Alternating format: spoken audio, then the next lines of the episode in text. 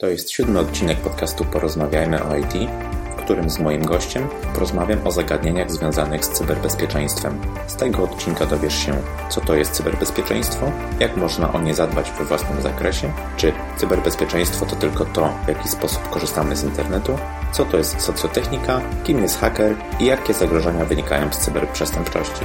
Zapowiada się ciekawie. Zapraszam. Witam Cię serdecznie w Porozmawiajmy o IT. Ja się nazywam Krzysztof Kępiński i w tym podcaście rozmawiam z moimi gośćmi o branży informatycznej. Przedstawiam trendy, zjawiska i opinie. Staram się przybliżyć tę branżę tym, których w niej na co dzień nie ma, jak również zaciekawić stałych bywalców. Pozostań z nami, a teraz zapraszam już na kolejny odcinek.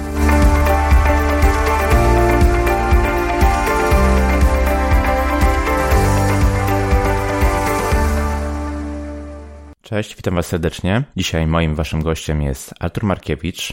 Cześć Artur, bardzo mi miło, że zgodziłeś się wystąpić w moim podcaście. Cześć Krzysztof, witam, dziękuję za zaproszenie.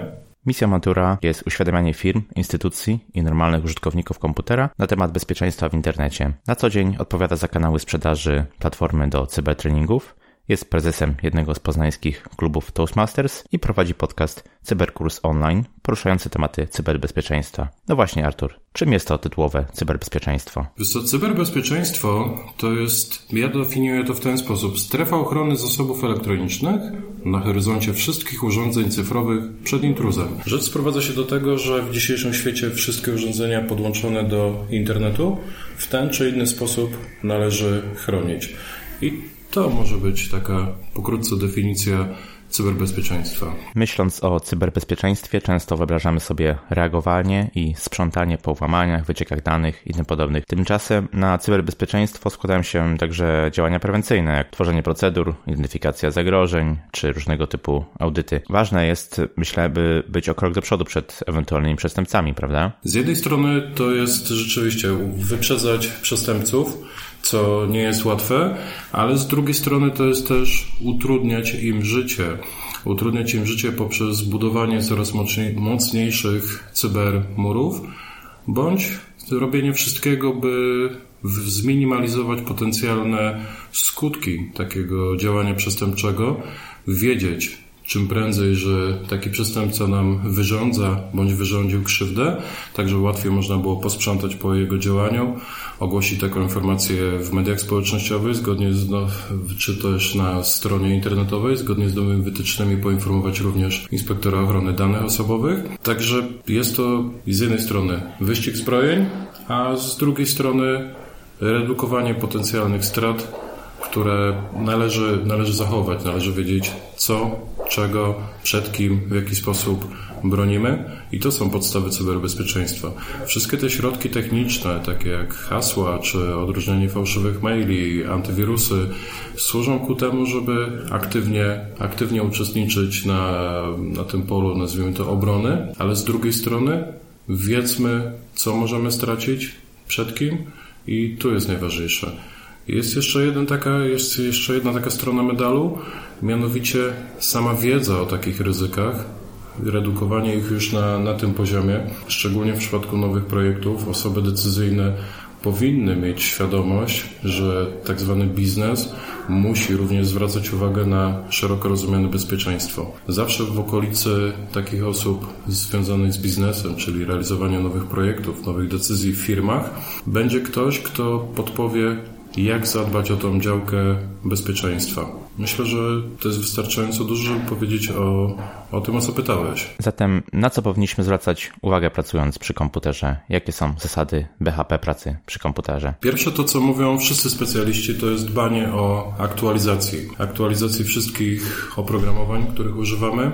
Kolejną rzecz to jest higiena, tak naprawdę pracowanie z bezpiecznymi hasłami o nich powiem myślę później. Kolejne rzeczy to jest używanie oprogramowania, które znamy, wiemy, że potrzebujemy, wiemy, co ono robi, do czego ono służy.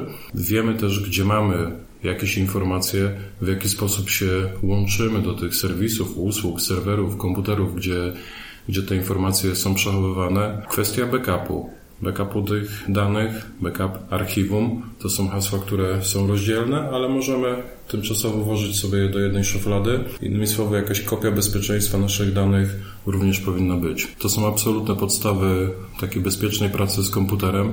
Kwestia posiadania tego sprzętu na widoku, nie dawania go obcym osobom, to też jest istotne. Kwestia niewkładania pendrive'ów, którego pochodzenia nie znamy, tak zwane pendrive'y rozrzucone w filmie z napisem Bitcoin albo dane osobowe, no to najczęściej będzie tylko i wyłącznie podpucha, żeby przestępca osiągnął swój cel, mianowicie dostarczył nam w ten sposób, tą drogą, tym kanałem poprzez pendrive'a jakieś złośliwe oprogramowanie na komputer. Kwestia wylogowywania się z tego komputera, blokowania ekranu, patrzenia z punktu widzenia przestępcy na nasz sprzęt, czyli czy te dane nam nie uciekają, bo za przeproszeniem świecimy tym ekranem wszędzie, w każdym, w każdym miejscu. Przypomnijcie sobie, jak jedziecie pociągiem. Ile razy mogliście zerknąć komuś na ekran? Pytanie, co ta osoba miała na tym ekranie jest wtórne. Najistotniejsze jest to, że mogliście zupełnie łatwo podejrzeć, co ma na tym ekranie, więc w jakiś sposób ułatwić wyciek informacji. To też jest taki pewien obszar pracy z komputerem. Wiemy, że ktoś może potencjalnie patrzeć nam za pleców na komputer. To są takie absolutne podstawy bezpiecznej pracy z komputerem. Ja wyróżniam kilkanaście takich punktów. One są rozbite na, na różny sposób. Kwestia sieci, z jakiej korzystamy, w jaki sposób korzystamy z dostępu do internetu. Czy to będzie Wi-Fi publiczne, czy to będzie nasza sieć bezprzewodowa, tudzież przewodowa, to też są bardzo istotne sprawy. Patrzę na swoje notatki, które podpowiadają jeszcze o kwestii zlokalizowania tego sprzętu, sposobu na to, żeby usunąć dane zdalnie ze sprzętu, który został zgubiony, być może skradziony. Szyfrowanie danych, szyfrowanie dysków twardych.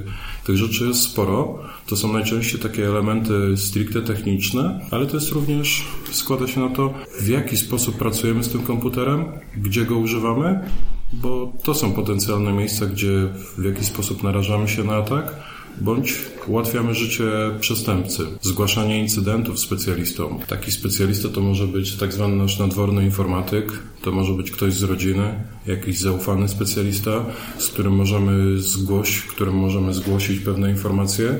Też możemy wpisać bezpieczeństwo i taką higienę pracy z komputerem. Czytanie dokładnie tego, co mamy na ekranie, jakie komunikaty nam się wyświetlają, czy to na komputerze, czy z przeglądarki internetowej, na urządzeniu mobilnym. Czytanie, uważność to są takie podstawowe rzeczy. Kolejne oprogramowanie antywirusowe, o którym myślę, że powiemy sobie później.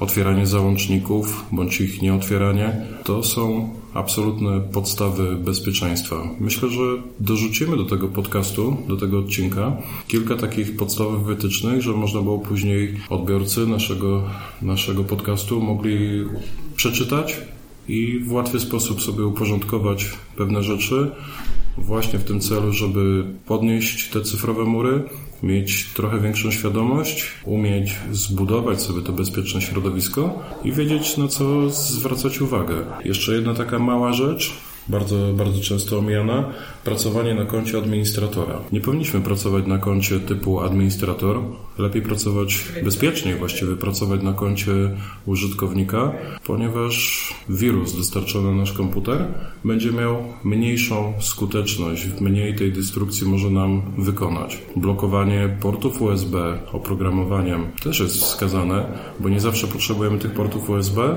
a włożenie pendrive'a choćby na 5-15 sekund do naszego komputera nie zostawi raczej śladu, który my zobaczymy jako zwykły użytkownik, a tak naprawdę daje możliwość zainstalowania oprogramowania takie, takiego, jakie przestępca chciał nam dostarczyć. Podsumowując, aktualizacja oprogramowania, świadome używanie tego komputera, wiedząc co robimy, czytać komunikaty, konsultować pewne rzeczy. To są absolutne podstawy bezpiecznej pracy. Wspomniałeś o hasłach. Zastanawiam się, jakie te hasła powinny być. Czy to, że są wystarczająco długie i skomplikowane, to jest wystarczające zabezpieczenie? Długie i bezpieczne hasła to jest znowu absolutna podstawa.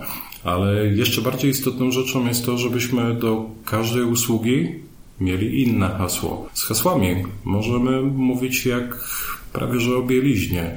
Nie mówimy jaką mamy, nie nosimy jej na wierzchu, nie pokazujemy, nie wymieniamy się z innymi osobami i Myślę, że to jest podstawa używania bezpiecznych haseł. Te hasła długie, no, powiedziałeś długie. Co to znaczy długie? Długie hasło to już jest 6 znaków, ale to jest za mało, zdecydowanie w dzisiejszych czasach. 8, 9 znaków. Te hasła nie mogą teoretycznie zawierać słów słownikowych, takich, które, które gdziekolwiek możemy przeczytać. Zbitka kilku takich słów, poprzedzielana czy to cyframi, czy znakami specjalnymi typu przecinek, nawias, daje nam o wiele większą pewność, że to hasło będzie trudniej złamać przestępcy, trudniej tak zwaną metodą siłową wejść do miejsca, gdzie, które jest zabezpieczone takim hasłem, a z drugiej strony możemy pokombinować, aby to hasło było jeszcze łatwe do zapamiętania. Niech to będzie coś, co kojarzy się nam z jakąś usługą, do której się logujemy. Niech to będzie jakiś przedmiot, cokolwiek. To może być nie wiem, ja podaję często taki przykład jak szara, wykrzyknik, klawiatura, małpa. To już jest na pewno silniejsze hasło niż standardowe QWERTY raz, dwa, trzy, albo imię mojego psa i do tego jakieś tam cyferki, które mówią o tym, z jakiego miesiąca jest to, to hasło typu Azor 0418, bo mamy kwiecień 18 roku, a w maju będziemy mieli 0518. Na pewno takie hasło będzie silniejsze niż po prostu QWERTY, tudzież cyferki i to, co to, co użytkownicy często widzę zauważają, to jest kwestia obowiązku zmieniania tego hasła co 30 dni. To nie jest proste, ale jak sobie zbudujecie taki algorytm złożony właśnie z kilku słów, które, które będą wam się z czymś kojarzyły, niech to będzie kawałek jakiegoś wiersza, który pamiętacie, kawałek piosenki, pozamieniacie spacje na znaki specjalne, małe, duże litery, pokombinujecie, z czasem wyrobicie sobie algorytm budowania takich haseł, gdzie niech to będzie miesiąc jako te cyfry, do którego się odnosi to hasło, niech będzie w jakiś przez Was sposób zaszyfrowane, niech to będzie zapis po prostu słowny tego, tego miesiąca w środku. Niewątpliwie to będzie bardziej bezpieczne hasło niż wspomniane QWERTY, tudzież od 1 do 8 czy do 9 cyferki. Jest jeszcze jeden sposób na hasła poprzez menadżery haseł. To jest oprogramowanie, które pozwala nam z jednej strony wygenerować bezpieczne hasło, takie, które będzie miało 12 znaków, małe, duże litery, cyfry, coś, gdzie, gdzie osoba odpowiedzialna za bezpieczeństwo będzie mega szczęśliwa, że użytkownik stosuje takie hasło, ale ono nie jest łatwe do zapamiętania. Stąd ta podstawowa funkcja menedżera haseł jako zapamiętywacz haseł. Każdy na swoim prywatnym komputerze, prywatnym sprzęcie, tudzież w mniejszej firmie może raczej mu się uda zainstalować oprogramowanie, które będzie pozwalało pamiętać takie hasła. W większych firmach to będzie trochę trudność z punktu widzenia procedur doinstalować jakiekolwiek oprogramowanie. Myślę, że dział bezpieczeństwa będzie wspierał tego typu inicjatywy i pozwoli bądź da sam jakieś narzędzie, które pozwoli bezpiecznie przechowywać takie hasła.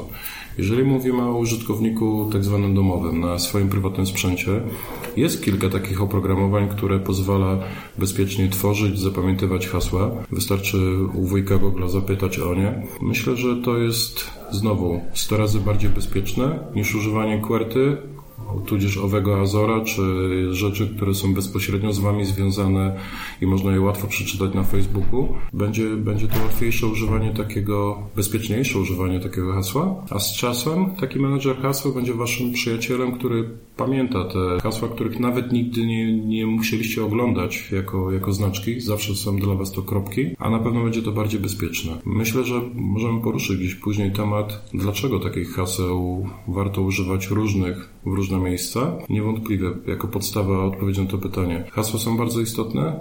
Istotniejsze jest to, żeby one były różne do różnych usług, żeby były trudne, a sposobów na to, jak zbudować je, tudzież przechowywać tych haseł, też jest wiele i zależy od tego, jak bardzo chcecie zadbać o ten obszar bezpieczeństwa, to zawsze się znajdzie jakieś rozwiązanie. Jeżeli będziecie potrzebować informacji, jak używać takich menadżerów, myślę, że poradników, jak, jak ich używać w internecie jest wiele. Każdy producent takiego oprogramowania też dołoży takie, taki poradnik. To gdzie często jestem pytany, czy to jest bezpieczne.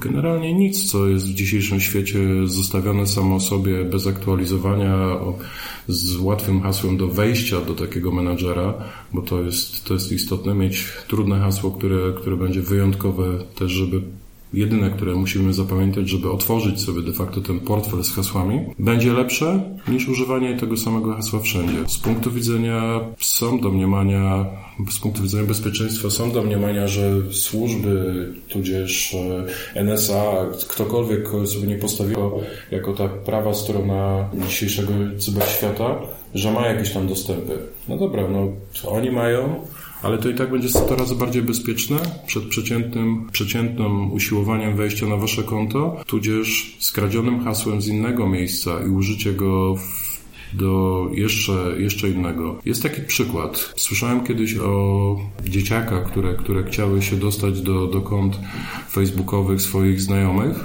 Taki mieli, taki mieli sobie pomysł na życie, na takiego psikusa, bo wiadomo, że tych haseł nie dostaną, ale wiedzieli, gdzie, gdzie tam ci ludzie się obracają, jakie, jakie tam jest forum dotyczące gier internetowych, na jakim forum się wymieniają informacje tam ci ludzie, ich, ich znajomi i zrobili coś, co było najłatwiejsze. Ukradli hasła z tamtego forum i zaczynali sprawdzać je, czy one zadziałają do Facebooka. Działały w 10-20%. Taką mieli konwersję, bo ta sama para, nazwa użytkownika, czyli adres mailowy i hasło, było stosowane w kilka miejsc przez tą samą osobę. Wobec tego sami ułatwiamy życie, kiedy gdzieś raz zostanie nam skradzione to hasło, żeby użyć je w innych miejscach. Dołożymy podcastu jeszcze takie miejsce, gdzie możemy sprawdzić, wpisując adres mailowy, czy kiedykolwiek z jakiegokolwiek źródła zostały skradzione hasła powiązane z tym adresem mailowym.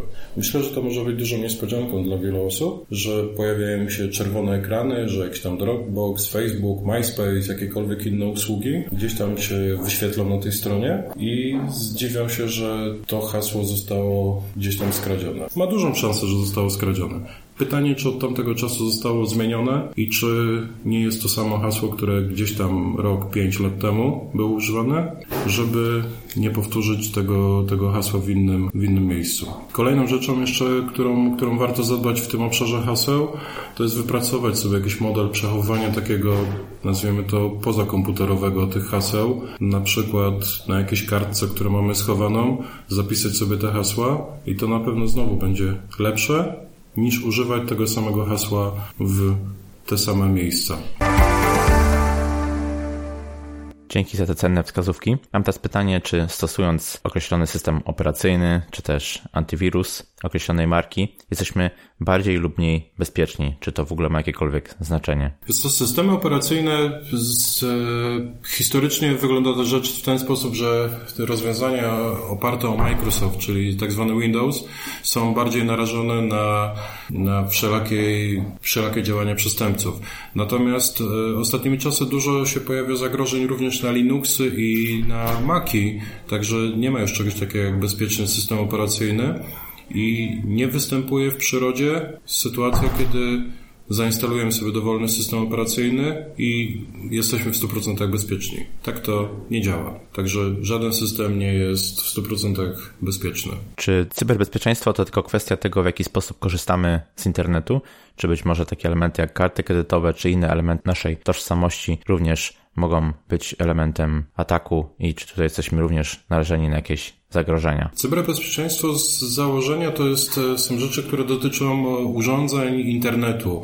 Natomiast e, z jednej strony to jest komputer, z drugiej internet, wspomniane przez Ciebie karty kredytowe, płatności w internecie. To też wszystko możemy wrzucić do, do tej jednej szuflady.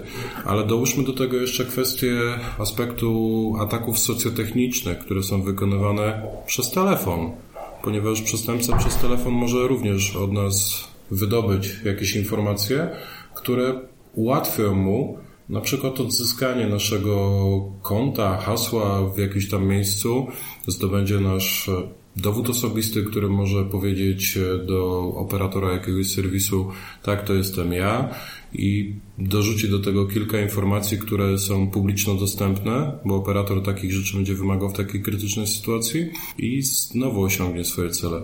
Także cyberbezpieczeństwo to jest szerszy aspekt, to cyber, gdzie się pojawia, to znaczy, że w ten czy inny sposób wiąże się to wszystko z komputerami. Wspomniałeś o socjotechnice.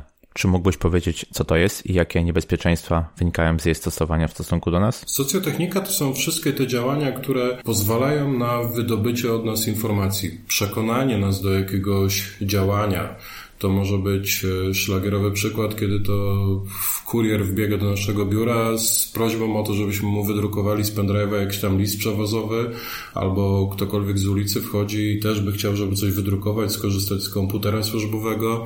Równie dobrze to może być sytuacja, kiedy ktoś do nas dzwoni, wyciąga od nas jakieś informacje, nakłania nas do czegoś przez telefon, proszę wejść tu i tu powołuje się na jakieś istotne rzeczy, które, które ponoć dla nas są też ważne, powołuje się na autorytet, jestem z firmy, która Was wspomaga w pewnym obszarze, a proszę sprawdzić, czy w drukarce to tak działa, a jak nie działa, to proszę u siebie na komputerze doinstalować oprogramowanie, które, które spowoduje, że ta drukarka zacznie działać. Robią to w taki sposób, że bardzo często nasz umysł się wyłącza i podporządkowuje temu działaniu. I tu o to chodzi przestępcy. Jest taki jegomość jak Kevin Mitnick. To jest legenda tego, tych działań socjotechnicznych. W książce Sztuka Podstępu opisywał, co on robił w latach 80., 90. jako socjotechnik. Podsumowanie jego to jest nie łamałem haseł, ja łamałem ludzi. Innymi słowy, on nie musiał łamać systemów informatycznych, bo ludzie sami mu podawali istotne informacje, bo tak nimi manipulował, że wyciągał te informacje od użytkowników. Kolejny taki aspekt socjotechniki to są choćby próby nabrania nas przez telefon, że dzwoni ktoś z banku i że mamy się zautoryzować i podajemy mu wszystkie informacje, PESEL, nazwiska, panieńskie matki, nie wiem, informacje o tym, czy mamy kredyt, czy nie mamy, po czym w najlepszym wypadku ten człowiek zakończy grzecznie tą rozmowę, powie ok, to sprawa załatwiona, albo bezczelnie się rozłączy. I tu o czym wspominałem wcześniej w zakresie tego BHP z komputerem uważność, wiedza po co są te informacje, komu je ujawniamy, jest istotna. Socjotechnicy działają też bardzo często na tych najniższych warstwach takiego naszej świadomości, psychiki, jak chciwość, jak, jak chęć, nie wiem, e, wzbogacenia się, jak e, troska o nasze bezpieczeństwo, podszywają się zawsze mają jakiś pretekst, zawsze mają jakieś swoje cele, a my możemy im albo ułatwić to życie i robić dokładnie to, czego od nas oczekują, albo zastanowić się, to co możemy zrobić, jeżeli mamy wątpliwość, czy to jest socjotechnika, czy to jest rzeczywiście telefon od naszego IT, z naszego banku, od kuriera, poprosić o numer telefonu zwrotny, zadzwonić z innego telefonu, zapytać, czy taka osoba tam pracuje, czy to jest w takiej sprawie, spróbować skojarzyć te fakty, czy mamy gdzieś tam kredyt, czy nie mamy tego kredytu, czy być może numery spraw, na które ktoś się powołuje, zupełnie są wyssane z palca. Innymi słowy, sprawdzić, innym kanałem komunikacji potwierdzić te informacje, zobaczyć w goglach, czy ten numer telefonu pasuje do tej firmy, zadzwonić być może na recepcję, jeżeli uważamy, że to jest bardzo istotne, na ten numer, który, który gdzieś znajdziemy, podpytać czy taką osobę. To są te rzeczy, które możemy zrobić, żeby przeciwdziałać aktywnie takim atakom socjotechnicznym. To jest też scenariusz, kiedy możemy zapytać o skąd on się wziął, dlaczego pytał nas takie informacje, w jaki sposób potwierdzić tą jego tożsamość. To może nas uchronić przed takimi atakami socjotechnicznymi. A niebezpieczeństwa?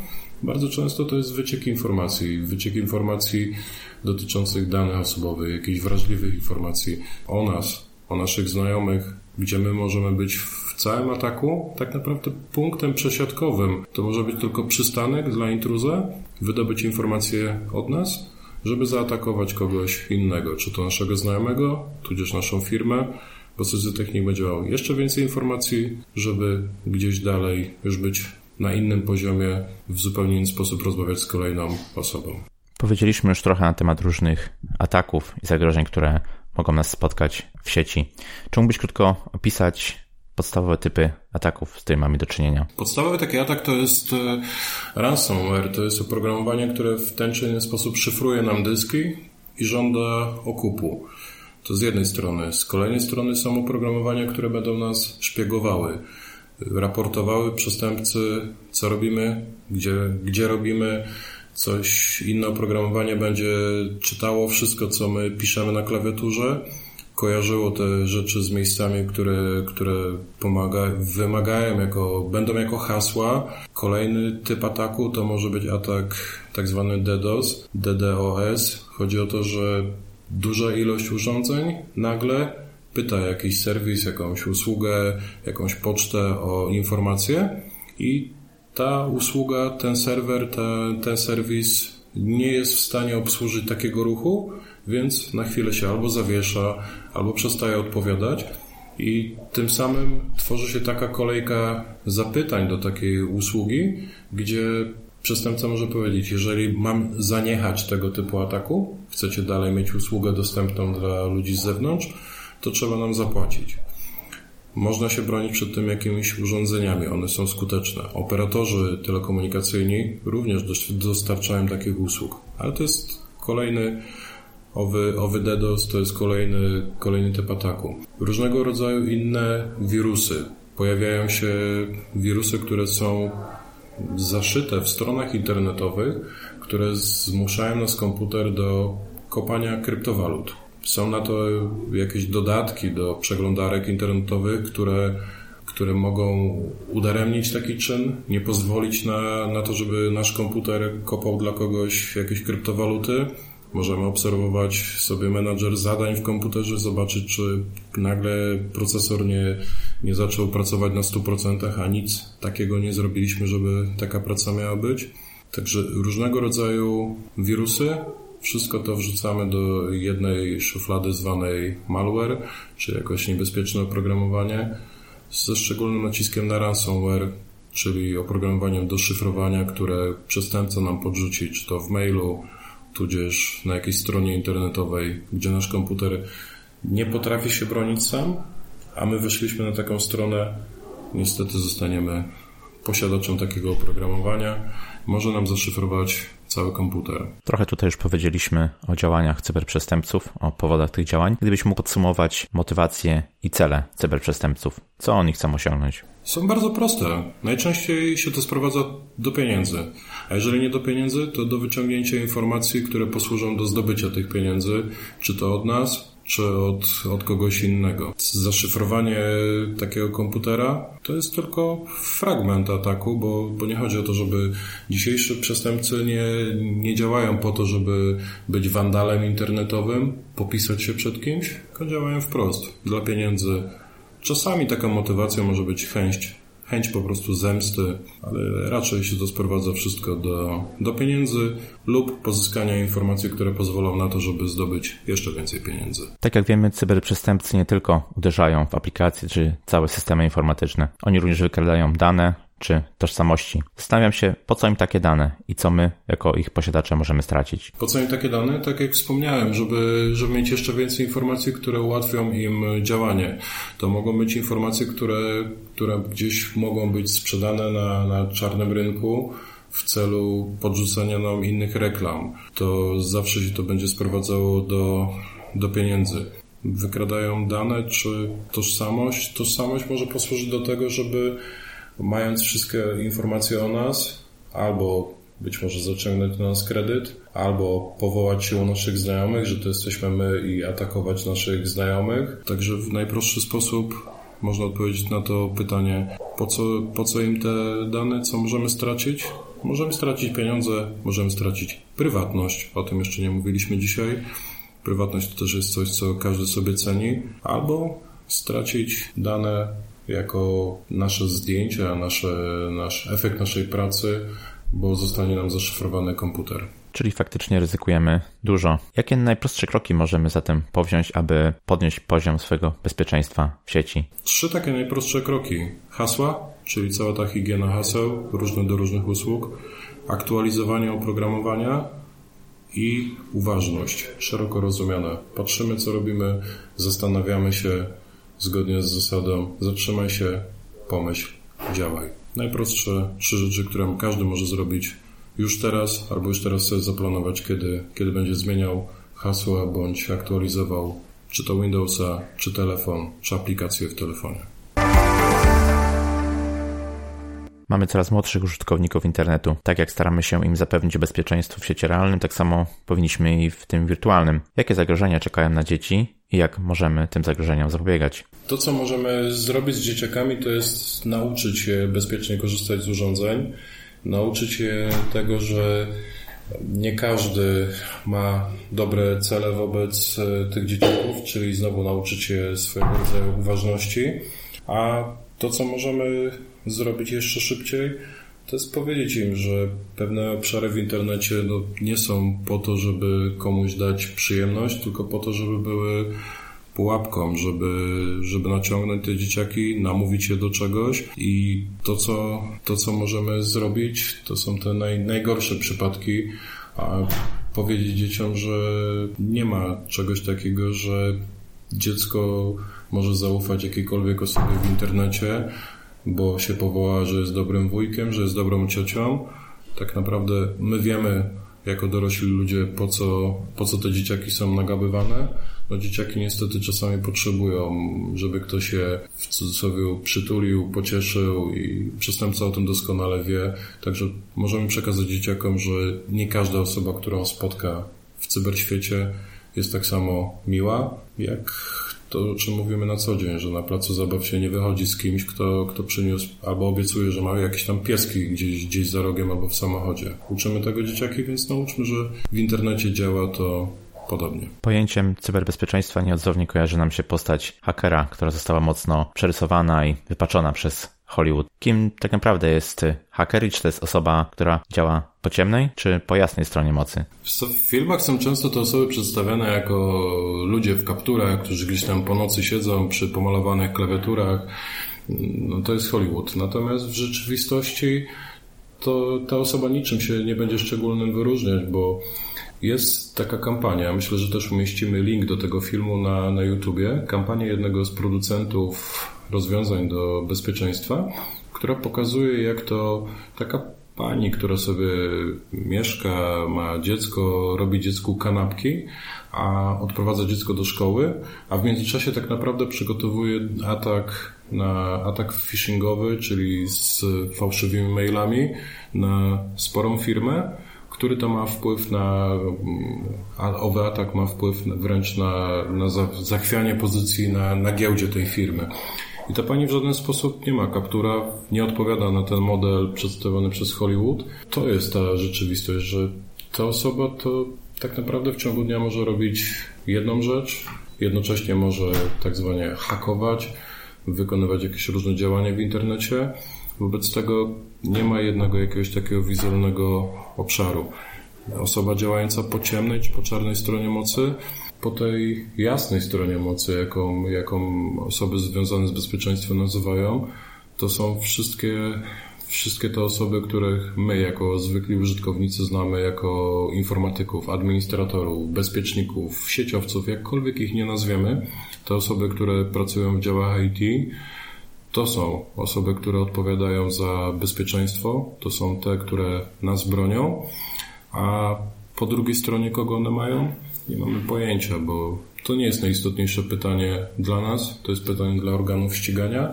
Natomiast z naszego punktu widzenia, jako za przeproszeniem ofiary, nie ma żadnego znaczenia, czy ta osoba ma taki paszport, czy inny, czy ona działa samodzielnie, czy w grupie 200 osób, które które sobie wymyśliły tydzień temu, że zrobią atak na, na naszą firmę. Jak zatem wygląda ta cyberprzestępczość w Polsce i na świecie? Jak szeroki jest to proceder? Masz może jakieś dane na ten temat? Co te dane są różne. Każde, każde źródło podaje to w inny sposób. Jedno, co, co jest wspólne, to ten trend się nasila. Owych ataków jest coraz więcej. Może też dlatego, że one są coraz łatwiejsze do wykonania. Z drugiej strony kupienie tego typu ataków też jest coraz prostsze. Podając na statystyki, ciężko to przedstawić w jakichkolwiek liczbach, bo jakakolwiek ta liczba nie będzie, każda nas będzie przerażała. Słyszałem o nastu tysiącach zgłoszeń w jednej firmie w ciągu miesiąca. Są firmy, które takich zgłoszeń, incydentów z bezpieczeństwem mają kilkadziesiąt, kilkaset. Tylko mają to wszystko jeden wspólny mianownik w jaki sposób to liczymy, w jaki sposób to mierzymy? I czy widzimy wszystko, czy chcemy zobaczyć też wszystko, jak bardzo skrupulatnie te dane. Myślę, że Polska nie odbiega na, na tle świata pod kątem ilości ataków, które się wykonuje na Polskę, na polskie firmy, na, na, na ludzi z Polski jak i w drugą stronę. Także jakkolwiek te statystyki by nie były, jedno co jest pewne, jest tego coraz więcej i będzie tego coraz więcej. Jakiego typu systemy informatyczne i aplikacje są najbardziej narażone na ataki? Czy jest na przykład tak, że systemy bankowe tutaj się wyróżniają? Bankowe systemy są o tyle narażone, bo tam przestępca za, za jednym zamachem potencjalnie może zdobyć więcej, mieć więcej korzyści z takiego ataku. Ale z drugiej strony tam jest większy nacisk na, na obronę tych danych. Banki są na pewno liderami, jeżeli chodzi o obronę informacji i obronę swoich zasobów. A jakiego typu systemy informatyczne? Myślę, że duży nacisk powinniśmy położyć na obserwację tego, co dzieje się na naszym komputerze, czy to prywatnym, czy, czy służbowym, tylko i wyłącznie na poziomie samej poczty, ponieważ wracając do poprzedniego pytania, zależy jakie statystyki, ale od 60 do 95% nawet ataków rozpoczyna się poprzez maila, poprzez wysłanie informacji do mailem z załącznikiem, tudzież z jakimś adresem internetowym, na który, na który użytkownik ma kliknąć. Także system informatyczny, poczta. Aplikacje narażone też jako poczta. Jeżeli chodzi o te sektory, no jedne będą bardziej zainteresowane obroną, bo, bo mają pieniądze, inne będą bardziej zainteresowane, bo mają jakąś ciągłość działania typu typu operatorzy telefoniczni, tudzież energetyczne w, w organizacje. Także każdy ma czegoś, każdy ma coś do, do obrony. Myślę sobie, że bardzo ważna jest świadomość potencjalnych zagrożeń w świecie elektronicznym i bezpiecznych w nim zachowań. Czy firmy, instytucje i osoby prywatne powinny się zatem szkolić w tym temacie? Myślę, że powinny się szkolić, natomiast y, z punktu widzenia technicznego jest to bardzo często ciężka, ciężka droga, na pewno dla osób, które nie są techniczne, ale sama świadomość, że tego typu ataki są, mogą być i wiedza o tym, że potrafimy pewnego rodzaju zasoby oszacować, co w jaki sposób może nam potencjalnie zginąć, co mamy zabezpieczone lepiej, co gorzej, to już jest ogromny krok. Powinni się ludzie szkolić i to z zakresu tych kwestii podstawowych technicznych, jak i z samej świadomości, bo czasami no, ludzki umysł jest tak skonstruowany, że jak wie, jak działa przestępca, będzie też łatwiej mu dowiedzieć się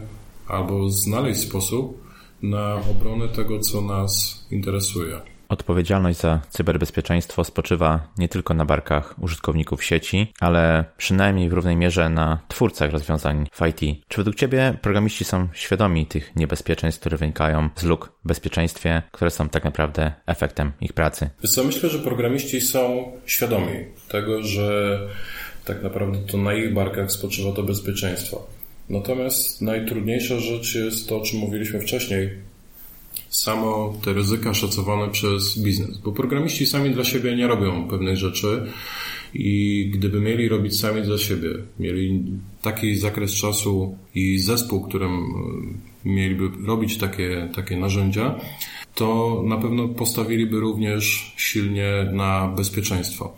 Natomiast na stan mojej wiedzy bardzo często na programistów spada ta odpowiedzialność z takiego powodu, że projekcie nie było uwzględnione te aspekty bezpieczeństwa. Klient nie chciał za to zapłacić. Nie chciał zapłacić, bo było drogo, bo nie wiedział, jakiego typu ryzyka się z tym wiążą, albo co gorsza, nikt mu nie zaproponował takiego bezpieczeństwa w projekcie, który realizują programiści.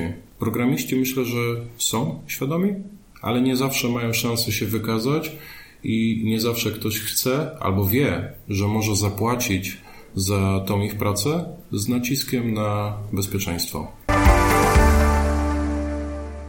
Widziałem, że w Polsce kilka instytucji, firm prywatnych i uczelni prowadzi kursy czy nawet studia z cyberbezpieczeństwa. Czy według Ciebie jest to dobra inwestycja czasu i dobry zawód na przyszłość? Niewątpliwie jest to zawód na przyszłość. Dlaczego? Dlatego, że wszelkiego rodzaju zasobów do obrony jest i będzie coraz więcej. Osób, które, które się znają, które potrafią bronić zasobów, jest e, tym samym coraz mniej dostępnych na rynku.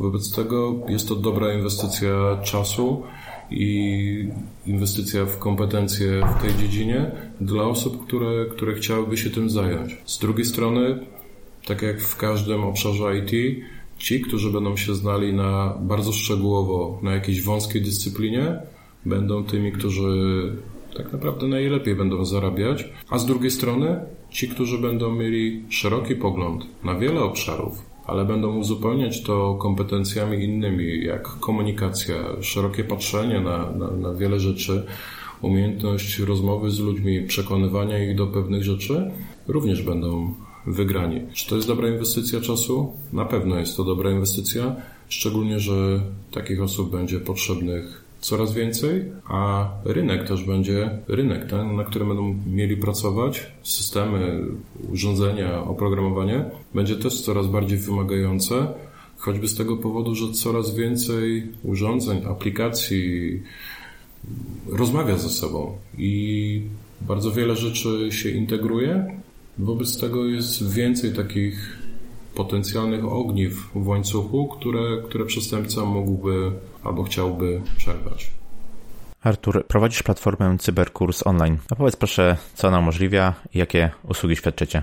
Pod, pod, pod nazwą tego projektu Cyberkurs Online chcę, żeby to było miejsce, w którym będę mógł dzielić się wiedzą z osobami, które, które tej wiedzy chcą, potrzebują, chcą za nią zapłacić tak żeby bardziej świadomie podchodzić do, do bezpieczeństwa. Co ta platforma umożliwia? Tak naprawdę zamówienie takiego szkolenia, które by było dedykowane, ale z drugiej strony w najbliższym czasie też e, większy nacisk położę na tak zwany projekt, który, fragment tego projektu, który będzie dotyczył opisywania ciekawych przypadków, które codziennie gdzieś się pojawiają. Bardzo często to będą, to są obiekcje osób co do, co do tego szerokiego bezpieczeństwa. Typowe pytania, które padają na prowadzonych szkoleniach, w różnych rozmowach, czy to ze specjalistami, czy ze zwykłymi użytkownikami, czyli osobami nietechnicznymi, bardzo często się pojawiają te same pytania, na które no warto raz, drugi udzielić takiej odpowiedzi, która będzie jasna, wyczerpująca i z informacją o tym, gdzie, gdzie szukać tych informacji więcej. Także jeżeli ktoś jest zainteresowany takimi, takimi szkoleniami, można, można je wykonać. Z jednej strony, z jednej strony można zrealizować takie szkolenie poprzez internet, poprzez narzędzie do e-learningu od mojego partnera. Z drugiej strony możemy podjechać, wykonać takie szkolenie na miejscu, dostosować je do profilu firmy, ilości słuchaczy. Zawodowo odpowiadasz za kanały sprzedaży platformy do cybertreningów. Powiedz proszę, czym jest platforma do cybertreningów i czym są cybertreningi? Platforma do cybertreningów to jest narzędzie, które, które jest swojego rodzaju laboratorium pozwalającym na to, żeby zespoły odpowiedzialne za bezpieczeństwo, ci, o których mówiłem wcześniej, bezpiecznicy, sieciowcy, administratorzy, mogli wspólnie w bezpiecznym środowisku nauczyć się, a właściwie przetrenować możliwość obrony przed intruzem, którego tam przygotowaliśmy, zautomatyzowaliśmy jego działania, lub stanąć naprzeciw tak zwanemu red teamowi, czyli osobom, które wiedzą, jak zrobić krzywdę obrońcom, jak, jak używać tych narzędzi przestępczych w taki etyczny sposób, po to, żeby osoby, które mają bronić, mogły, mogły trenować. Zawsze podaję przykład bokserski. Nie uczymy boksować, natomiast dajemy ring i sparring partnera. Można zobaczyć, co to znaczy walczyć w tym cyberświecie, co to znaczy bronić. Można sprawdzić, czy procedury, które mamy bezpieczeństwa są użyteczne, czy one mogą zadziałać a z drugiej strony też po to, żeby przygotować swoją psychikę, psychikę osób, które, które będą uczestniczyły w gaszeniu realnych pożarów internetowych, cybernetycznych, na to, że, żeby wiedziały, jak się zachowywać, żeby to nie było tylko działanie post factum, sprzątanie po przestępcy, szukanie, co udało mu się ukraść, jakie narzędzia zostawić, ale żeby świadomie działać w trakcie takiego ataku, umieć też utwardzić tak zwane środowisko, zbudować je bezpieczniej, dokonfigurować je, tak żeby utrudnić się przestępcy, innymi słowy, znowu podnieść, podnieść próg, jaki by musiał przestępca przeskoczyć, żeby ukraść nam informacje. Artur, bardzo Ci dziękuję za ciekawą i inspirującą rozmowę. Myślę, że tutaj bardzo dużo wartości i ciekawych porad dałeś słuchaczom. Również dziękuję. Powiedz proszę, gdzie Cię można znaleźć w internecie i w jaki sposób można się z Tobą skomunikować? Pierwsze to miejsce, o którym wspominaliśmy www.cyberkurs pisane razem.online lub na LinkedInie. Artur Markiewicz jestem na LinkedInie. Będziecie, będziecie mogli mnie od razu znaleźć i tamtymi kanałami można się ze mną komunikować. To, co motywuje mnie jeszcze, czy to do, do udziału w tym podcaście, dlaczego się też e, skusiłem, żeby, żeby w nim uczestniczyć, to jest też to, że lubię dzielić się tą wiedzą, bo wiem, że dzieląc się taką wiedzą, można dostać jej jeszcze więcej, a z drugiej strony ktoś, kto, kto ją pozyska, będzie bardziej świadomie, bardziej bezpiecznie działał w wielu obszarach środowiska cyber. Jeszcze raz bardzo Ci dziękuję. Do usłyszenia. Cześć. Dzięki jeszcze raz. Do usłyszenia. I to na tyle z tego, co przygotowałem dla Was na dzisiaj. Bardzo fajna rozmowa z Arturem, który przybliżył Wam zagadnienia związane z cyberbezpieczeństwem i mam nadzieję zachęcił do tego, by dbać o nie w własnym zakresie. Wszelkie linki znajdą się w opisie do tego odcinka.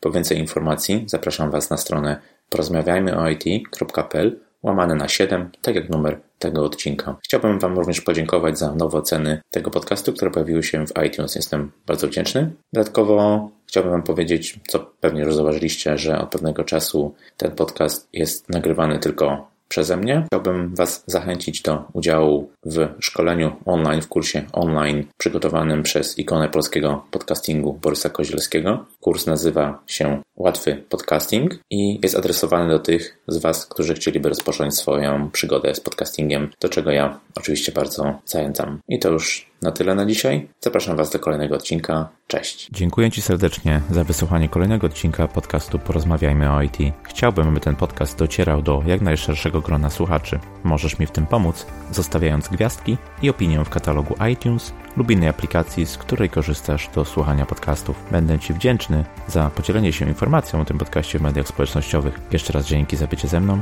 i do usłyszenia w kolejnym odcinku. Cześć!